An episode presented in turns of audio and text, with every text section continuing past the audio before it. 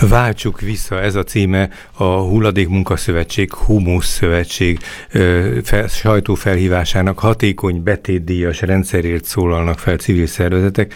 Erről beszélgetünk a következő percekben Szabó Györgyel. Jó napot kívánok, Péter Ferenc vagyok.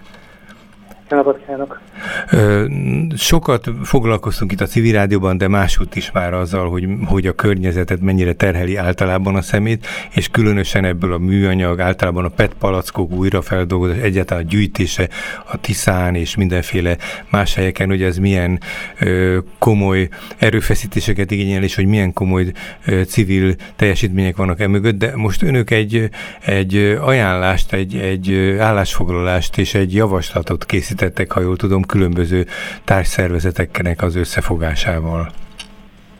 Így van pontosan. Alapvetően az a ötletet nekünk, hogy megjelent tavalyi év végén egy törvénytervezet, amit idén évelején el is fogadtak, és ez a visszaváltási díjról, illetve a különböző italcsomagolásoknak a kötelező visszaváltásáról szól. Azonban azt láttuk, hogy ebben a törvényben a hangsúly az elsősorban a egyutas italcsomagolásokon van, azaz azt célozza, hogy egy tisztább visszagyűjtés valósuljon meg, és az, ezáltal az újrahasznosítás hatékonyabb legyen. Azonban azt lehet látni a nemzetközi példákból, hogy az olyan betétdíjas rendszerek, amelyek az újratöltésen alapulnak, sokkal környezet, környezetbarátabb uh-huh. eredményeket, illetve gazdaságilag is megtérülő eredményeket hoznak. Én gyerekkoromból emlékszem még, hogy a, amikor tejél küldtek a szüleink, akkor fél literes, meg literes üvegek voltak. Aztán később a gyerekek úgy tudták, hogy a tej az az acskóba születik. Ne, ne, furcsa volt ö, városi gyerekeknek, mikor vidékre vitték őket, hogy a tehénből érkezik a tej.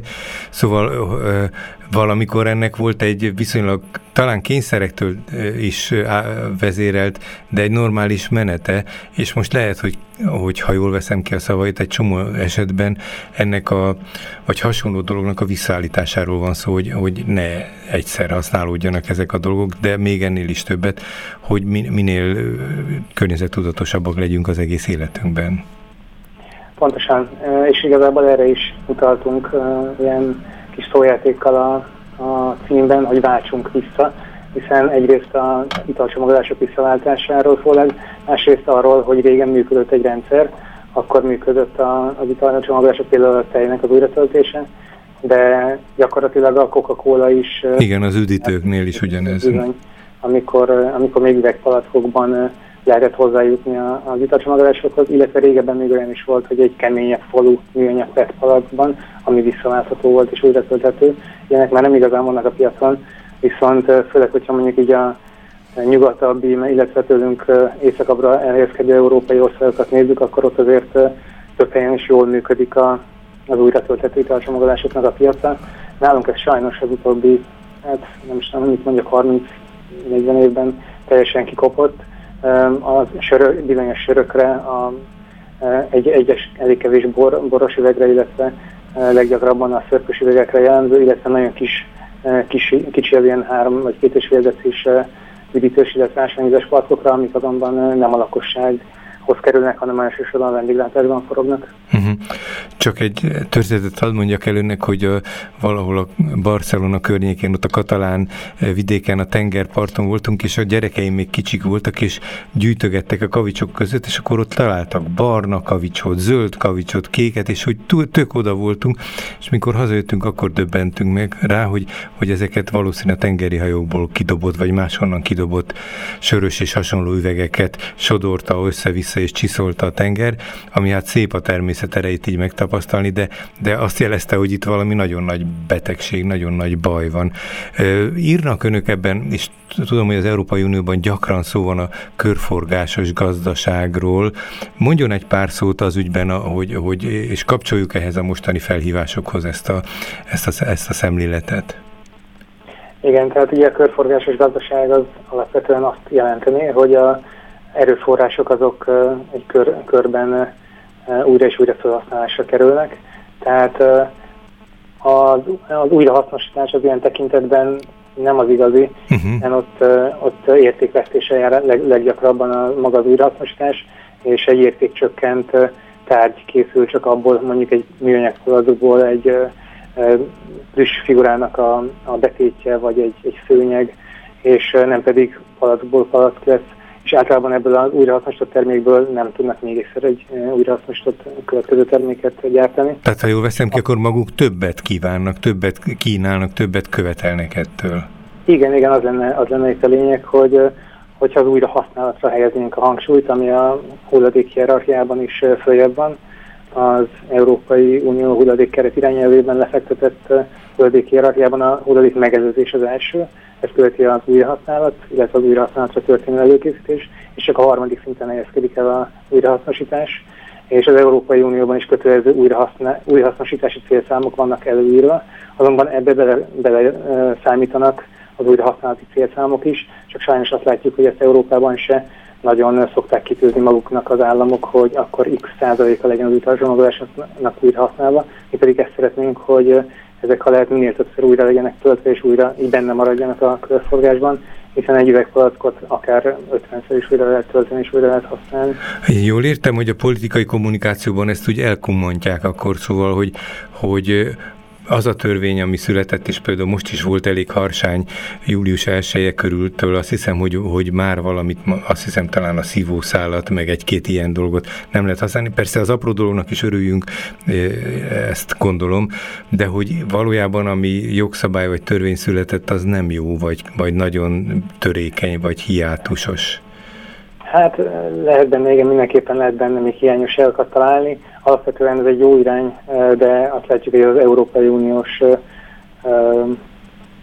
előírásoknak nem csak Magyarország, hanem nagyon sok európai ország sem felel meg. Hiába járt le, ez július 3-án ez a határidő. Uh-huh. Ugye itt a, a szubtörvényről, az extrahasználatos műanyagokra vonatkozó irányelvről van szó. Tehát, ahogy említette, bizonyos csomagolóanyagoknak, illetve egyes egyszer használatos műanyag termékeknek a betiltásáról. Ez mindenképpen egy jó irány. Jó lenne, hogyha, hogyha az ipari lobby mellett a civileket, illetve a környezetvédőket is meghallgatnák, amikor kialakítják ezeket a törvényeket, és egy kicsit még zöldebb irányba mennénk el, mert, mert lenne még hova fejlődni.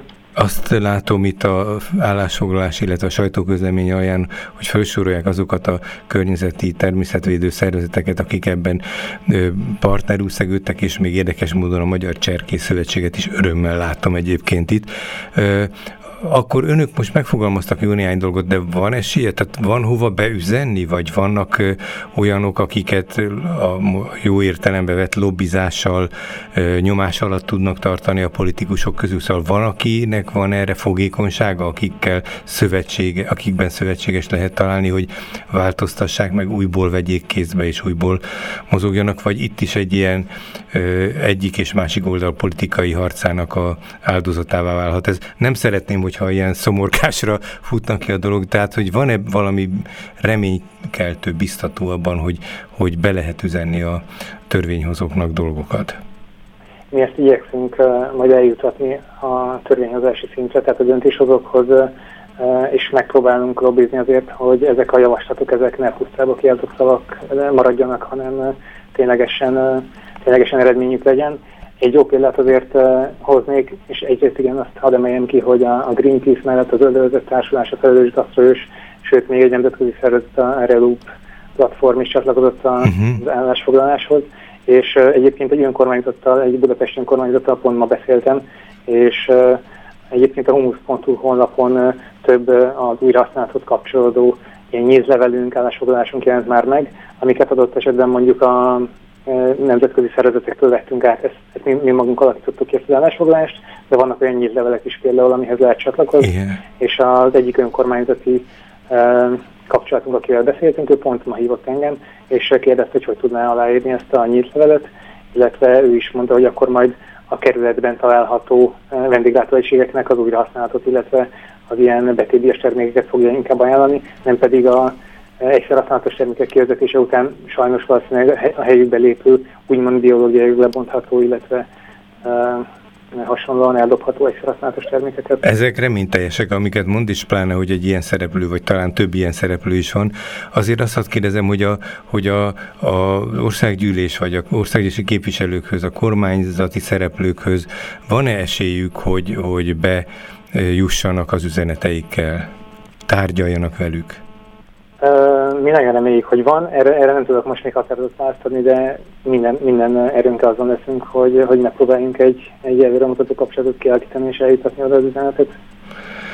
Nagyon szépen köszönöm a betétdíjas állásfoglalásról beszélgettünk most a Nulla Hulladék program vezetőjével, Szabó Györgyel, aki a Humus szervezetének a munkatársa.